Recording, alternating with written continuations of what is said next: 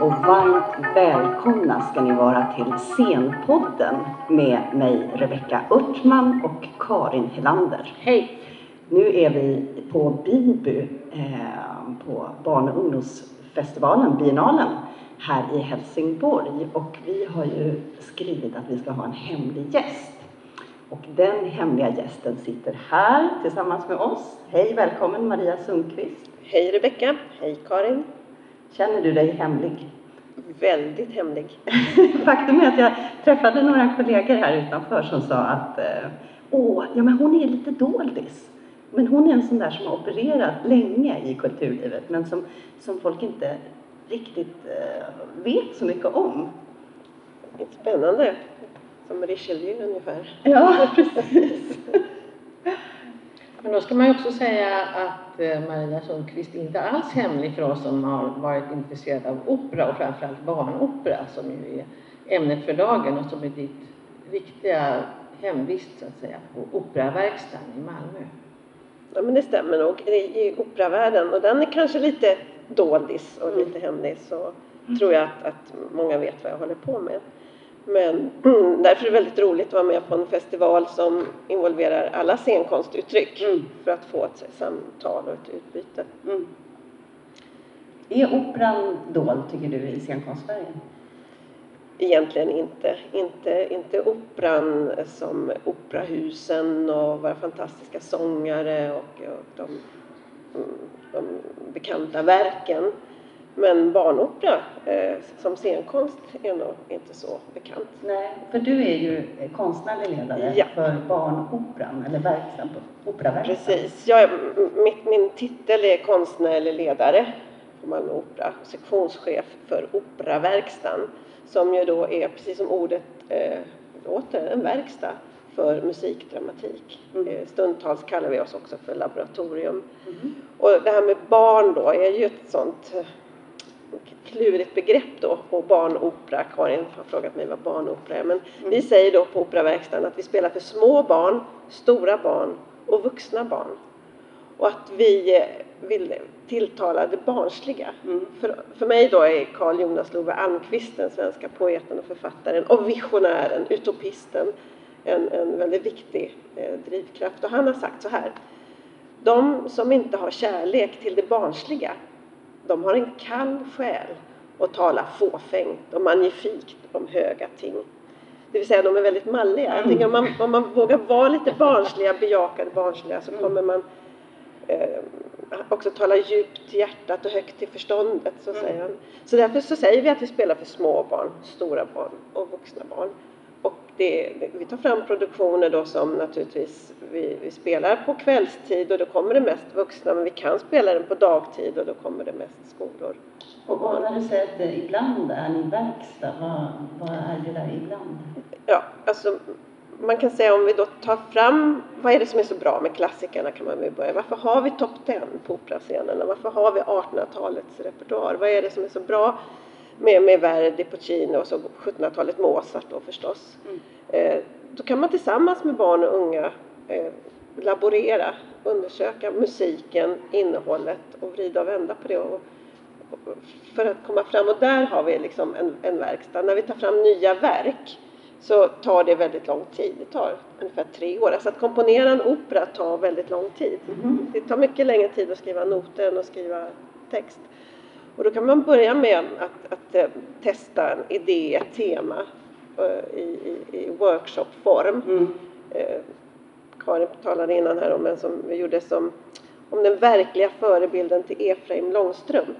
Alltså Som bakgrunden verkligen fanns. Ja, Pippis pappa fanns verkligen. Och då kan man ju säga att, att jag, jag lägger ofta repertoar i teman och ett tema har ju naturligtvis, var, naturligtvis varit 1900-talets synvända när 1945 när Pippi föds, Mumintrollet föds och Krakelspektakel föds. Och så hade jag gjort både Troll i kulisserna, Tove Janssons pjäs, Erna Taurus musikspel om, om Mumintrollet. Jag hade gjort eh, Flygande trumman av Lennart Hellsing och Lillebror Söderlund. Och, men hur närmar man sig Pippi-figuren? Det är väldigt svårt Mm. eftersom det finns filmer och det finns turnerande föreställningar med folk i röda peruker som sjunger. Men så kom den här idén om att faktiskt eh, göra research kring Karl-Emil Pettersson. En, en väldigt framgångsrik eh, sjöman som, som for i Söderhavet och förliste, räddades i land på en ö. fläsket kanske? Ja, han var stor. Han var stor. Som Pippis pappa. Ja. Gifte sig med, med hövdingens dotter Ja. och fick en massa barn som fick svenska namn. Victoria och som han lärde dansa schottis och klädde i svensk folkdräkt. och det här temat äh, äh, det, det undersökte vi då i, i workshops med barn och vuxna. Det här materialet tillsammans med de bilder som finns då av, av Pippi i Söderhavet och sådär eh, hade vi som underlag. Och under en dag så processade vi miljön, tematiken. Eh, då kom barnen fram till hur kan man lämna sina barn för att ta hand om andras barn? Det var liksom kontentan och allt i materialet. Och de vuxna då, vi gjorde exakt samma workshop med vux- vuxna.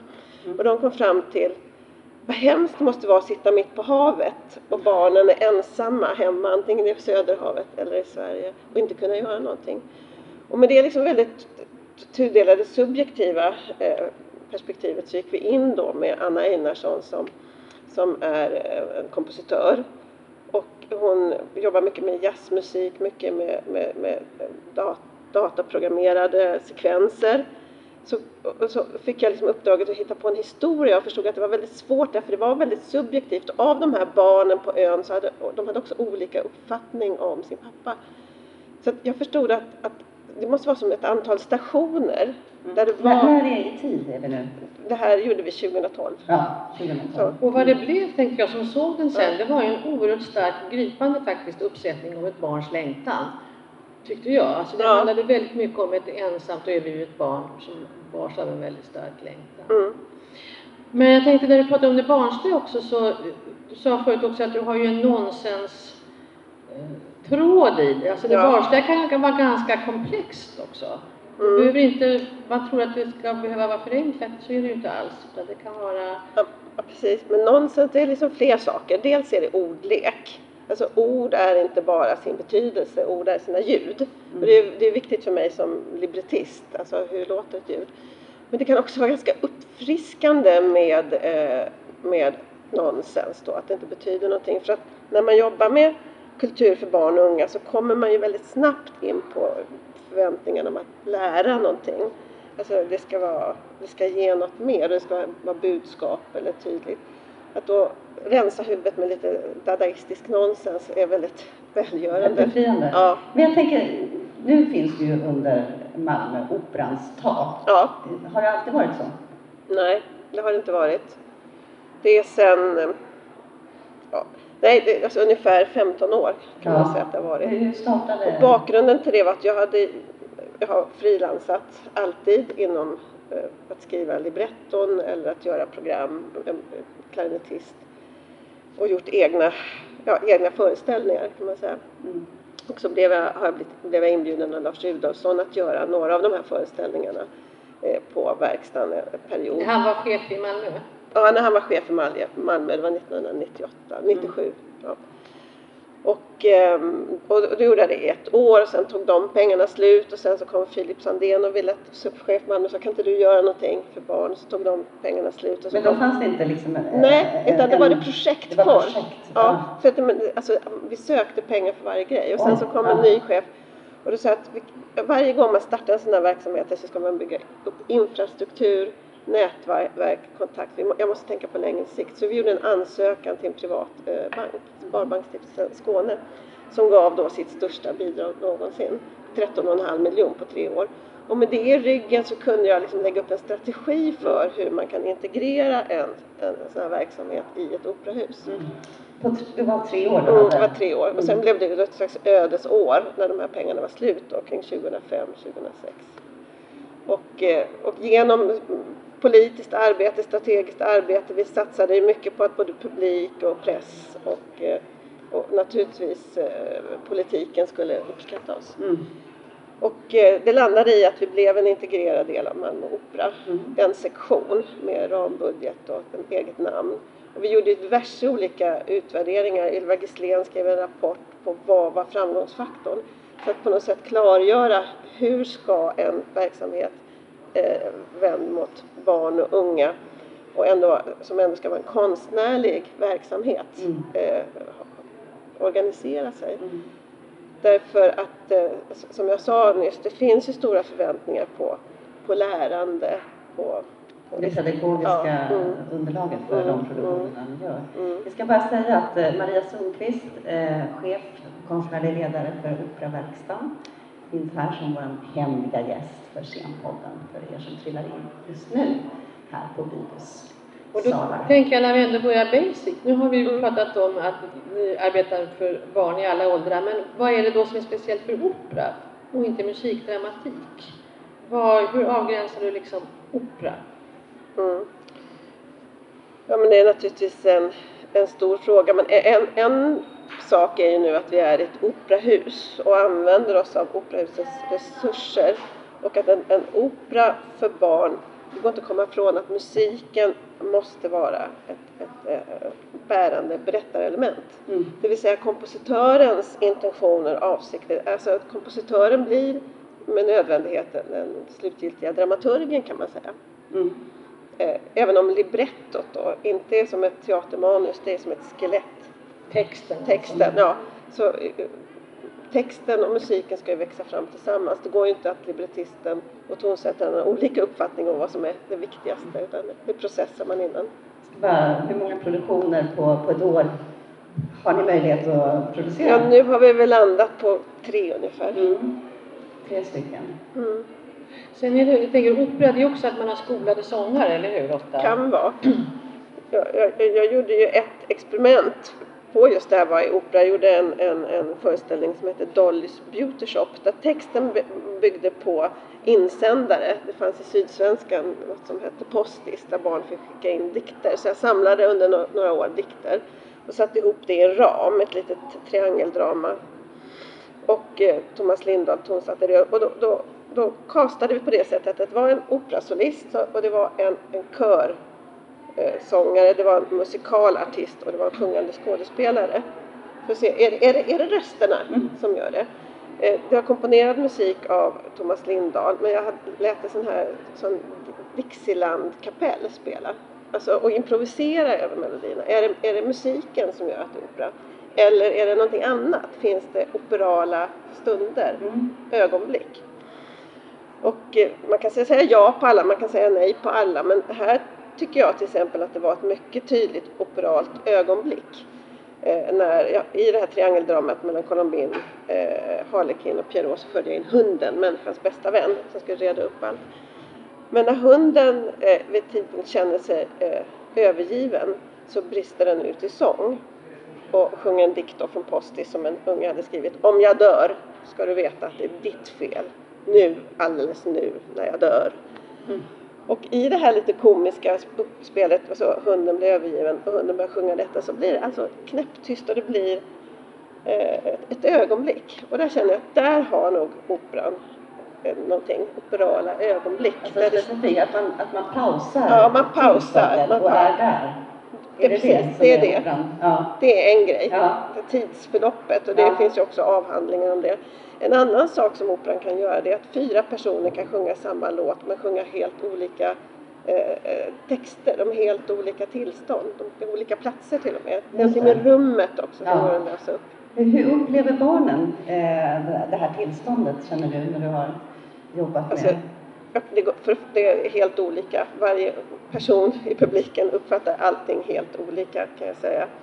Ehm, Det kan vara på den nivån, nivån en nyskriven opera som vi spelar för barn så säger den vuxna oroligt när man går ut och "Oj, vad tyckte du om musiken? Och då säger barnet det var ingen musik. Nej, för det var liksom de här karaktärerna, Ja. berättelsen. Ja, just det. Så, så hur de upplever det, vågar inte svara på Nej. det faktiskt. Därför att eh, jag har alldeles för stor respekt för liksom, hur var och en upplever. Och det är klart det är det jag vill, att var och en ska få sin egen upplevelse. Precis som när en vuxen går på opera. Och det är ju någonting med att en vuxen vet precis vad som ska hända. Fast jag tänker, nu vågar jag svara lite, Ja. eftersom jag har jobbat mycket med barns uppfattningar och upplevelser. Att teater också av, delvis i alla fall också av opera, barnopera. Och grunden är, är, håller jag ju helt med i att varje barns upplevelse är helt unik och liksom Mm. inte förhandlingsbar utan den är verkligen utifrån det egna barnets förutsättningar och föreställningsförutsättningar och det mötet. Men samtidigt kan man ändå se vissa mönster. Och en sak som jag har sett är att nästan alla, även om de inte uppfattar att musik är det där, för de tänker att det är karaktärerna som är där, så är de oerhört fascinerade av instrument, alltså instrumentet som objekt. Eh, som ett ljudande objekt är jättehäftigt. Och sen att barnen ofta är kluvna och på ganska många intressanta sätt kring just, då talar jag om den skolade operarösten. Ofta ser man dem sitta, skratta, hålla för öronen, sjunga jättemycket på vägen ut. Eh, men också vad jag har tänkt på det är att många barn redan när de är liksom 6-7 år säger förvånat, det här var ju mycket bättre än vad jag hade trott. Vad då hade trott? Jo, då har de en fördom om att opera är tjocka tanter som står och skriker. Mm. Så att liksom, fördomar om opera liksom, impregnerar barn från de är väldigt små. Jag tänker opera är ju också ett scenkonstfält som är ganska bemängt av fördomar och som också, tänker jag, barnopera är lite på sidan av på barnscenkonstfältet. Det är inte helt en självklar del. Det är inte alltid samma personer som håller på med dans, talteater för barn eller olika gränsöverskridningar och de som arbetar med barnopera. Det här med fördomarna och liksom också kanske vissa konventioner med opera måste du ha behövt slåss med väldigt mycket. Eller hur har du gjort? Ja, men för det första så kan man ju säga att det, det är helt klart så att det är inte alla som vill jobba med barnopera. Men många tycker att det är väldigt bra att, att vi finns. För man säger det är så bra att ni håller på med opera för ni spelar ju för morgondagens publik. Och då måste jag alltid säga nej vi spelar inte för morgondagens publik, vi spelar för dagens publik. Det liksom en, kan låta som en liten skillnad men det är en avgrundsstor skillnad på hur man närmar sig eh, det hela. Sen när det då gäller att, att välja sångare eller artister till exempel, vilka vill gå upp tidigt på morgonen, är beredda att stå där halv tio, tio och sjunga och, och bruka allvar och kanske vara beredd att träffa barnen, inte ha för mycket basilskräck till exempel, eller alltså vara lite flexibel, våga ha publiken nära. Eh, eh, det här med instrumenten är jätteviktigt. Vi har alltid musikerna eh, långt fram. Man ska redovisa vilka som spelar. De har ofta en karaktär Mm. och alltid kostym. Och fördomarna, ja visst finns de. Men det är också något märkligt med att man ibland vill vidmakthålla vissa typer av fördomar. Alltså, nu har vi, just idag är det 100 år, skulle Birgit Nilsson ha fyllt 100 år. En så fantastisk artist. Det är klart att hon personifierar ju lite grann det här, en, en stor kvinna som sjunger väldigt starkt. Och, och, och för en del kan det ta tid att, att se storheten i det utan tycka att det gör ont i öronen eller så. Men samtidigt så är det ju något som är väldigt viktigt för oss med de här fantastiska sångarna som har de här rösterna. Det är en slags cirkusupplevelse. Ibland har jag tänkt på att barnopera inte har, alltså vuxenoperarepertoaren domineras liksom av Mozart och alla de här 1800-talsverdi, Puccini och Bizet och så här. Härliga, maffiga melodier, jätteorkester. Men det får sällan barnen när de går på barnopera. Mm. Ja. Och, och då vet jag att du vet, du vet att jag precis har spelat Kraus, den första svenska operan som Gustav III beställde. Eh, som är 1700-talsopera. Och eh, det var ju lite spännande för mig att se hur det skulle gå men det har ju blivit lite av en hit. Det var en, en mer mastodontföreställning i, i alltså nu är, har jag ju blackboxen till mitt, eh, till mitt rum så att det är klart att jag kan inte ha en jätteorkester och en jätteensemble, jättekör. Men var, det var ändå eh, en, det, det är sång och det är sång under, det är långa arior och det är eh, på- sätt och vis lite statuariskt men också väldigt mytiskt. Och eh, så att, nej, det är klart att man inte vanligtvis väljer det utan man väljer precis tycker jag som, som talteatern det som man tror är, är känt i, i målgruppen. Alltså, det, det är mycket vi måste ju hela tiden ha kontakt med skolorna och de som köper föreställningar. Då, vilken ålder, vilken ålder, vilken ålder. Och, och, och, som ni hörde så säger jag att jag spelar för småbarn, stora barn och vuxna barn. Det är väldigt svårt det här att lova att det här passar nioåringar eller tolvåringar. Men, eh, men det man tänker, det som är väldigt vanligt ändå, med många nyskrivna barnoperor, det är kända böcker. Så är det ju. Ja, och det är ju inte bara för barnopera, det är ju för liksom barnteater också. Och, eh, eller att man plockar någon aktualitet. eh, tema i tiden. Mm. Eh, eller då att man kanske skriver om, alltså nykomponerar, komponerar till musik till existerande operor. Men, Nytolkning av sagor och myter tänker jag också. ja, och det, visst, och det, det, kommer alltid att kunna pågå. Men, men Karin, till exempel, vad, vilka barnoperor finns det i Sverige som är... Du menar scener? Alltså, jag, scener. alltså, ja, vilka finns det? finns ju Unga på Operan och det finns Operaverkstad. Unga på Operan i Stockholm? Unga på Operan i Stockholm som eh, är en egen verksamhet kan man säga men som ju inte har någon egen scen på det sättet som ni har i Operaverkstaden, en egen, en, alltså de är en egen helhet men den är inte uppbyggd på samma sätt som Operaverkstaden. Inte riktigt. Det har, det har till och från på Göteborgsoperan får man säga att det finns och, och det är ju två produktioner nu här i vår som spelas. Eh, Norrlandsoperan presenterar ju familjeopera. Ja, det finns det ju, Ja. finns det också att man gör stora familjeföreställningar Absolut. liksom, på stora scener. Ja. Och också naturligtvis att man gör eh, projekt med barn och unga inblandade. Ja. Alltså mer eller mindre community projects eller så. Där opera är, finns Som grund, ja. grund. Till exempel Ja. det som kommer bli nu premiär i slutet av maj i Göteborg, Ja. Monstret. Så att, eh, och Folkoperan har ju haft till och från Absolut. verksamheter. Mycket för barn. Ehm, Så, så visst händer det, händer ju också att fria grupper sätter upp Mm. operor Mm. vid, vid sidan av. Så att eh, Månteatern upp. Dan Thurdén, men det kanske inte är barn. Nej, jag tänker på kamrat. Nej, jag, har inte, jag tror inte han har gjort så mycket barn. Han gjorde sitt examensarbete Ja, det gjorde han. Operaverkstaden. ja. Mm. Men jag tänker eh, det här med att, du har varit inne på flera gånger, men så vore det intressant att höra mer om det här kontakten med skolor för att kunna förankra din verksamhet som du har gjort. Och jag har tidigare kallat det för liksom, barnopera eller operavärldens svar på Susanne Osten lite grann. Du har jobbat så länge och ofta ganska djärvt tycker jag och gränsöverskridande och innovativt med operagenren för en ung publik. Men hur säljer man den till skolorna? Hur bygger man upp en, en eh, kontakt med lärare och med pedagoger och även med andra organisationer och eller Absolut, för barn köper inte själv sin biljett. De läser inte en recension, ser inte en affisch och går inte till biljettluckan utan det är alltid någon annan som gör det. Så givetvis måste vi nå dem som eh, så att säga, representerar barnen.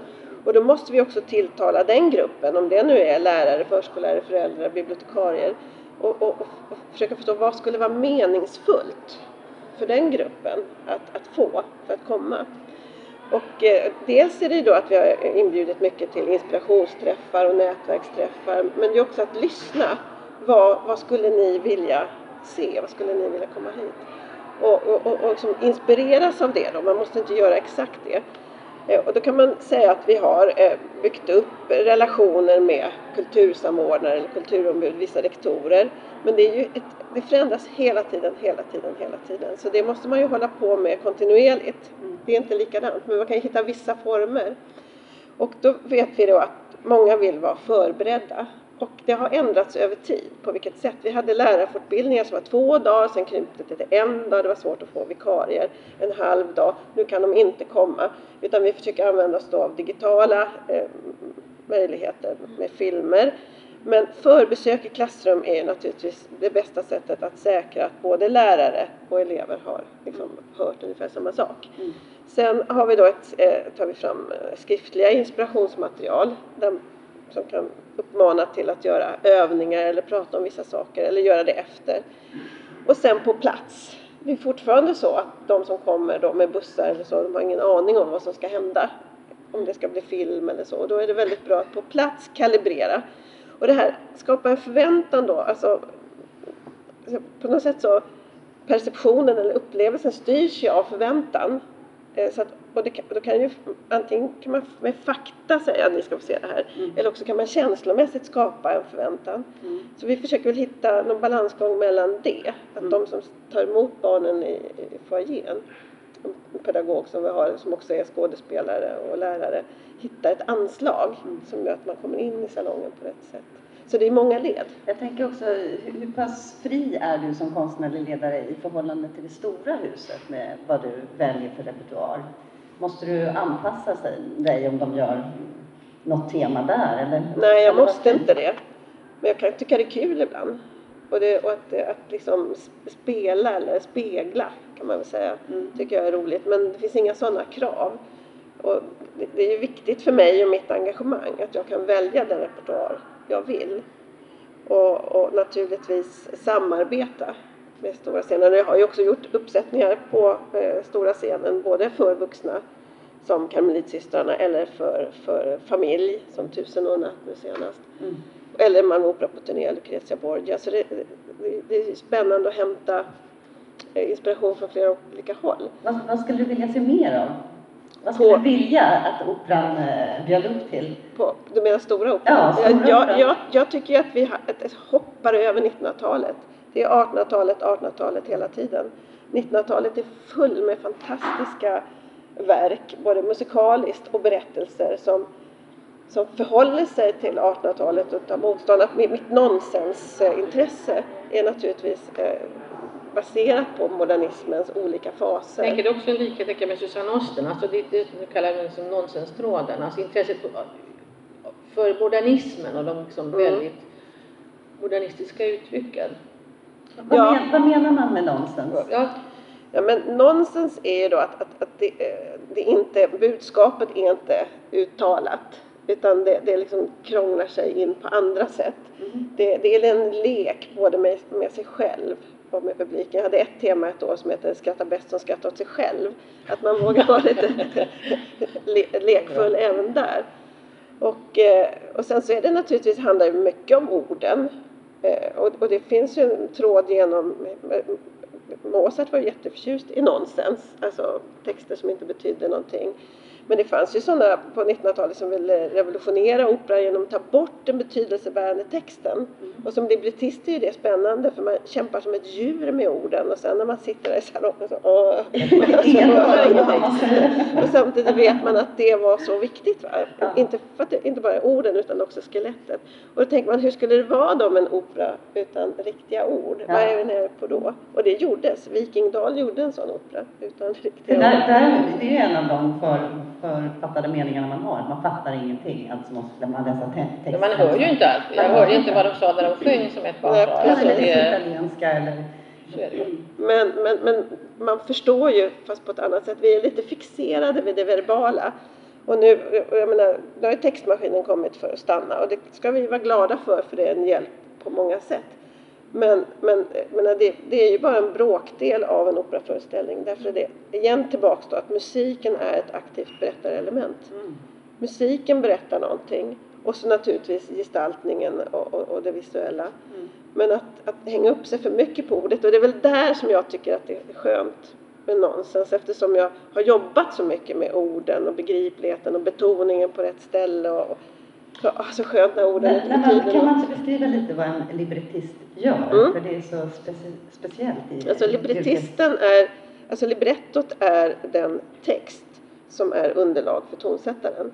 Och då är det dels ord, och det måste vara väldigt lite ord, för musiken måste få plats. Men det, primärt är det ju vilken ordning allting berättas. Mm. Librettisten får ju också ha lite eh, spaning på när kan vi ha de här operala ögonblicken. Alltså när är det transport, när är det eh, stannar vi Där är det fördjupning, en känsla. Fördjupning, en känsla. När har vi ensembler? Alla drömmer ju om att liksom få skapa en operensemble. Som, som Rigoletto, du som nu går i Malmö, när kvartetten kommer så tycker jag wow. Det är Alla fyra sjunger om olika saker, om olika olika saker. saker. Och fyller i varandra och så blir det en låt. Det Ja, är, det är toppen. Men börjar det alltid med ordet? Eller kan du få musiken och ska skriva? Det, det har hänt. Det, och så, som översättare av text får man jobba precis så. Alltså då, då har du melodin och du vet vad låten ska handla om. Men då ska man ju pilla in orden på rätt ställe. Och, och då blir det ju ofta en tolkning för man kan inte göra exakt likadant. Men då, är- då oftast är det orden som står i centrum först. Ofta är det det, men man startar ju samarbetet med tonsättaren ganska tidigt och i många fall så Ja, du pratar om nyskriven. Ja, nu pratar jag om nyskriven opera. Och då kan vi ta, jag gjorde en med Katarina Backman, då satt vi tillsammans och ritade med olika färger. Vad är temperaturen här och vad händer det mycket? Um, med Hans Gefors gjorde jag en skuggspel, heter den, 2005. då, då gick vi hemma i mitt mm, matsalsbordet, gick runt och han böjde sig fram och nu hör den lärde att det sjunger någon och vänder sig om. Alltså att vi fick ett, ett gemensamt eh, rörelsemönster, ett, en stor form. Ja, och, och sen kan tonsättaren börja så att vi får en gemensam bild av vad vi ska just göra. det. Just skuggspel är lite roligt. Den tog vi fram för årskurs 5. Jag beställde den då när det var H.C. Andersen jubileum. Och den blev väldigt populär i Tyskland och den ska upp nu i Teater Hoff. Men då spelas den för vuxna. Och det är en enaktare i double bill med Peter Maxwell Davis eh, fyren. Mm. Så då ser man, det, det är också intressant hur man kan, något som vi då tar fram tycker vi för, för skolor. Är det en dyr konstform, opera? Ja, alla, oj, alltså jag, det, det är det säkert. Jag tänker, tar det lång tid, den Ja, här ja. processen att skriva, att beställa ett nyskrivet verk? Mm. Eller? Jo men det gör det, det tar lång tid. Men jag menar, eh, upphovsmännen får ju sina arvoden oavsett tid och det kan man ju diskutera så att säga. Man kan lägga in extra pengar kanske för workshops. Sen så har vi ju framtagningsprocesserna är ju fyra till sex veckor. Och beroende på hur, alltså hur många som medverkar så blir det ju dyrare ju fler, ju fler man är. Sen har vi ju verkstäder som tillverkar allting och där har vi timmar på skrädderier och på Och det kan ni ju ha också eftersom det är på Balboperan. För att operaverkstaden själv skulle inte kunna ha Nej, alltså, skrädderier. Nej det, det kan vi inte ha. Ibland får vi så att säga lägga ut tjänsterna men vi gör det genom skrädderierna. En helt annan fråga, någonting som vi pratar mycket på BIBI om just nu, det är hur Barnteater Sverige arbetar och att just det här med delaktighet och interaktivitet har kommit som en, som en svallvåg efter barnrättskonventionen och så, att det präglar mycket av barnteatern idag. Hur, jobbar du med interaktivitet och barns delaktighet och i så fall hur? Mm, vi har ju ända sedan vi startade vi, vi sa att vi hade tre linjer nyskrivet och det är såklart att det ligger mig varmt om hjärtat att ta fram nya verk. Titta på klassiker, för det är ju någonting med vår konstform att vi bygger på vår, vår tradition. Och det tredje är att barn och unga själva ska vara aktiva. Så att vi har regelbundet gjort eh, produktioner där, eh, där barn och unga medverkar. Och det där har skett på olika sätt. Det kan dels vara genom våra familjeföreställningar men det kan också att vi gör eh, riktade projekt mot olika skolor som har bett om samarbeten. Så vi har haft hade ett treårigt projekt med Nya Stenkulaskolan där de varje vår fick göra en musikal och innan dess med Bunkeflo. Och nu har vi ett samarbete med Burlövs eh, kommun och skolor. Och det är en spännande kommun som är rätt segregerad. Men där eh, vi, barnen har fått ta fram texter och historier. Och nu den här veckan, premiär nu om en liten stund, så kommer de att spela föreställningar för sina skolkamrater och sina föräldrar. Oj, vilket jättearbete ja, det är ett jätteprojekt. Ja. Och sådana, sådana samarbeten då har vi Mm. på gång. Och vi, men det, det bygger på något sätt, för att det ska bli bra tänker jag, att, att det inte är vi som äger projektet utan att det är skolan eller om det är en kulturhus som Drömmarnas hus äger projektet och vi går in och samarbetar. Varför då? Ja, men alltså, så här är det, att, att behovet av att, att jobba med estetiska läroprocesser med barn är enormt och vi skulle kunna ägna all vår tid åt det. Och därför så är det viktigt att, att känna att, att de insatserna vi gör, att de, bygg, att de man, det byggs vidare på det. Mm. För att det, det är ju en enorm möjlighet till fortbildning för lärarna och eleverna som har varit med om det här, att, att de vill göra det en gång till. Och då är målet att de ska kunna göra det. Befruktar de här olika delarna var- varandra? Alltså det som ni arbetar med barn och unga i olika samarbeten med skolor, och så. Och den andra delen som är mer professionell Jo, men det, det gör det ju på, på, på, på alla sätt. Eh, dels för att man får impulser och idéer i de här mötena och eh, dels för att eh, deras motivation när de kommer och ser en föreställning hos oss är ju helt annorlunda när man själv har gjort en föreställning. Så det, de hänger ihop, de hänger ihop men eh, det, det är en viktig del av det vi gör men det, det är en balans. Och, och då, då ska jag säga så här att vi ingår också i ett internationellt nätverk, ett europeiskt nätverk som heter Reseo som startades eh, mellan operahusen som håller på med verksamhet för barn och unga. Och där kan, ja, Internationellt, hur, ser- Ja. hur ser det ut om vi bara får en utblick jo men precis. Det som, Finns det barnopera? Och det är där jag, jag svävar lite på det för att jag känner att det har blivit allt mer att de här avdelningarna får jobba med introduktioner till eh, vuxenrepertoaren. Det är mycket spela för morgondagens publik. Just det, de ska in... Ja, precis. Education, är det. Det, alltså det är Ja. educational departments. Okej. Utan möjlighet att beställa egna produktioner. Nu ska jag säga att eh, jag precis varit i Bern där den här senaste konferensen var. Där, det operahuset har beställt ett nytt operaverk. Jätteroligt med en ho- holländsk tonsättare som baserar sig på artificial intelligence. Alltså det är ett tema i tiden då. Så där, det är ett undantag. Men annars så är det väldigt fokus på pedagogiska modeller. Att skola in dem Ja, i skola in dem. Men också en slags välgörenhetstanke att vi ska arbeta mot fängelser, vi ska arbeta mot flyktingläger, vi ska arbeta mot hemlösa och de stadsdelar som ligger långt bort. Och det är absolut väldigt bra och viktigt.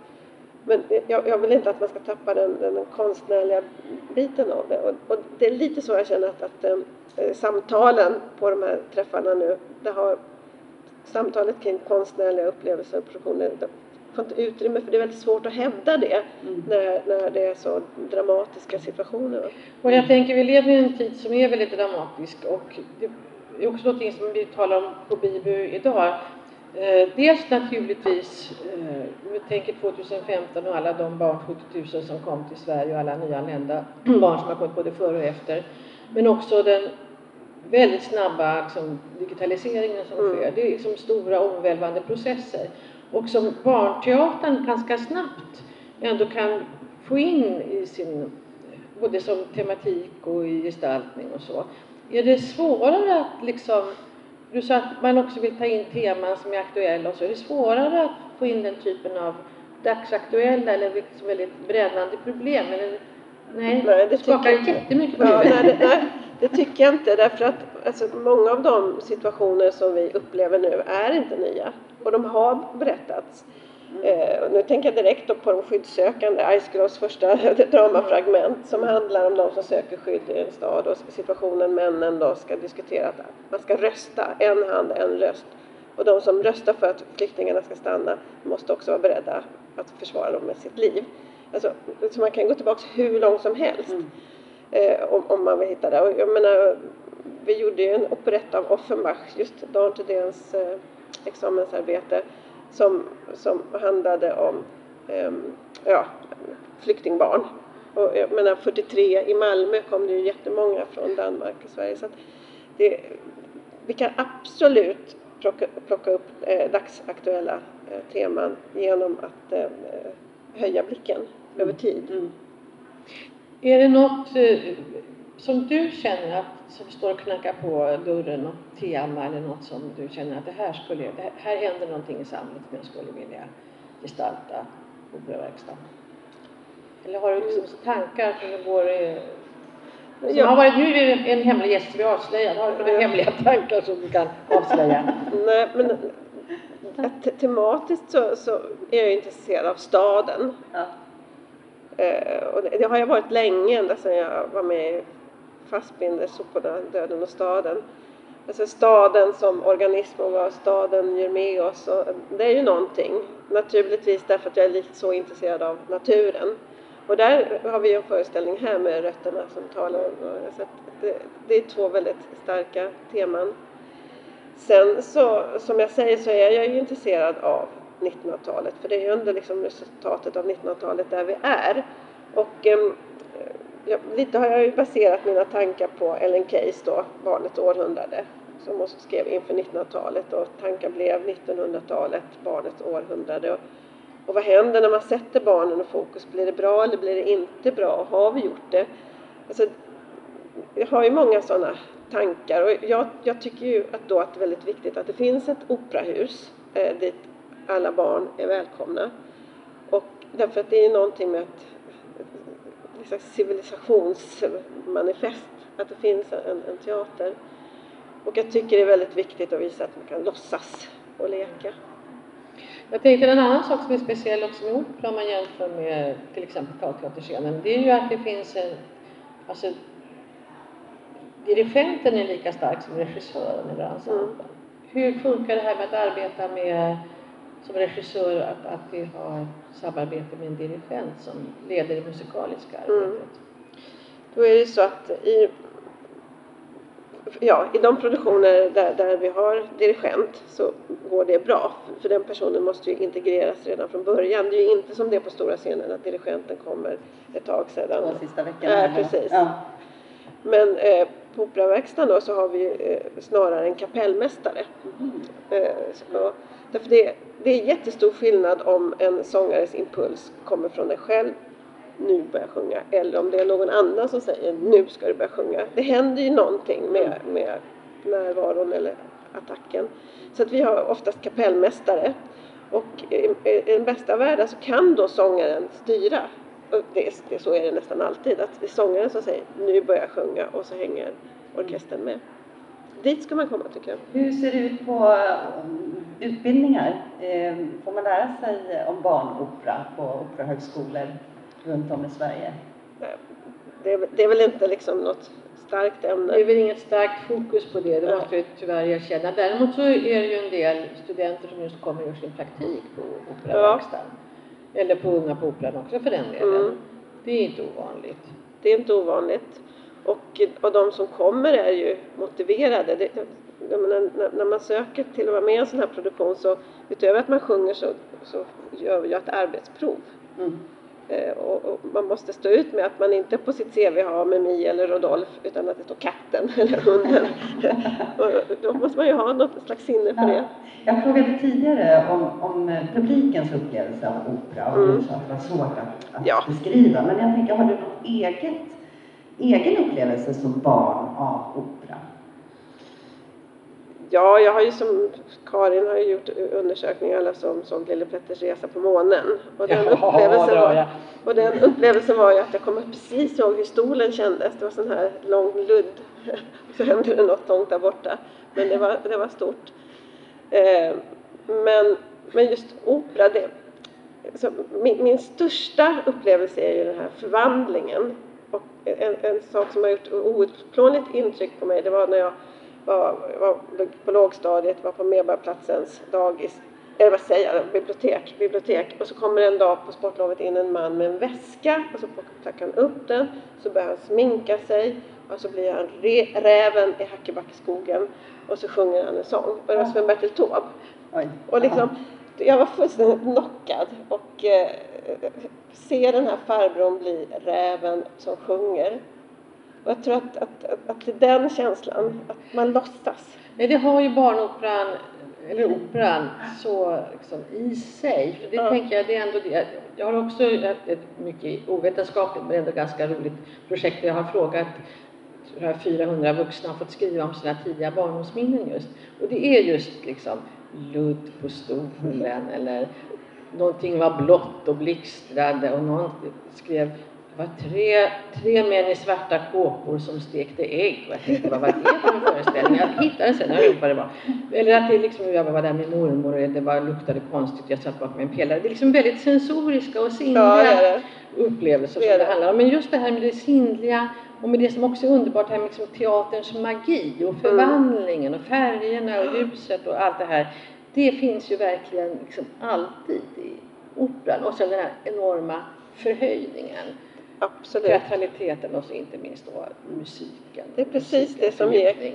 Ki- Wow! Kicken. Och det är därför man måste visa det. Va? Så ofta i föreställningarna så finns det med ett förvandlingsögonblick eller musiken. Så att man faktiskt känner det där övergången. Det är då man liksom får ökad livskänsla. Mm.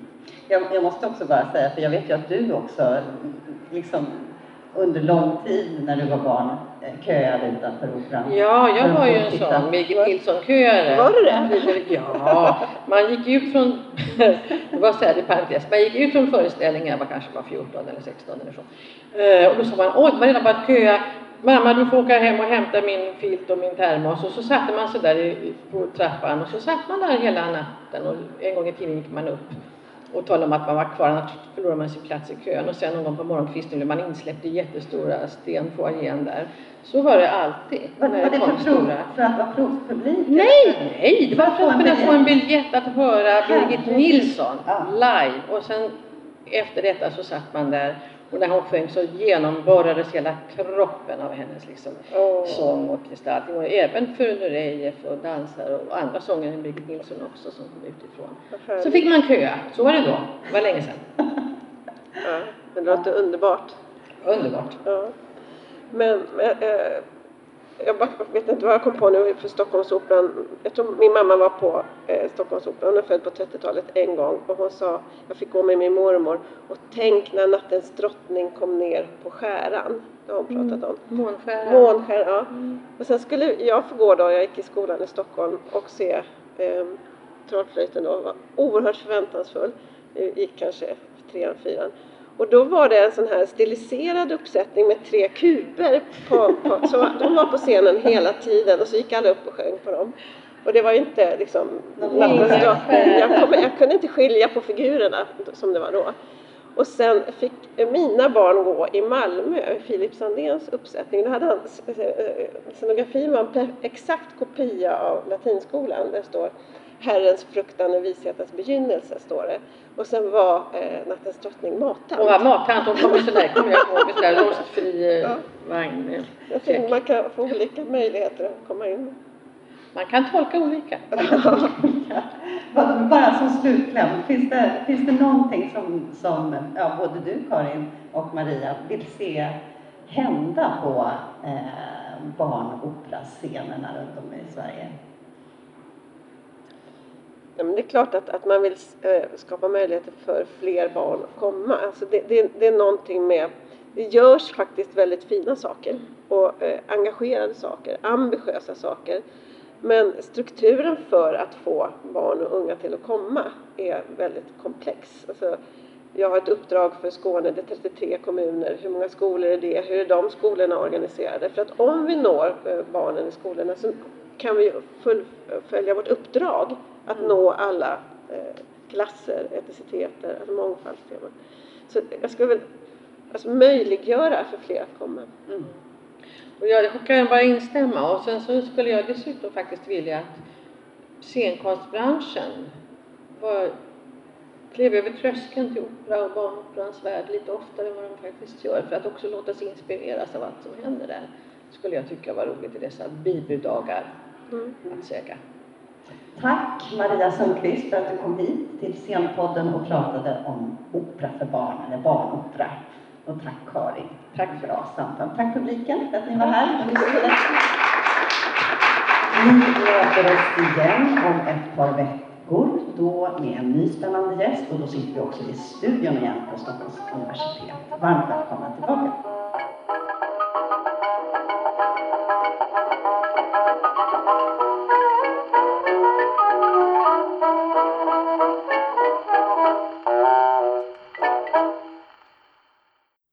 Du har lyssnat på Scenpodden, en podcast från Rats Teater och Humanistiska fakulteten vid Stockholms universitet.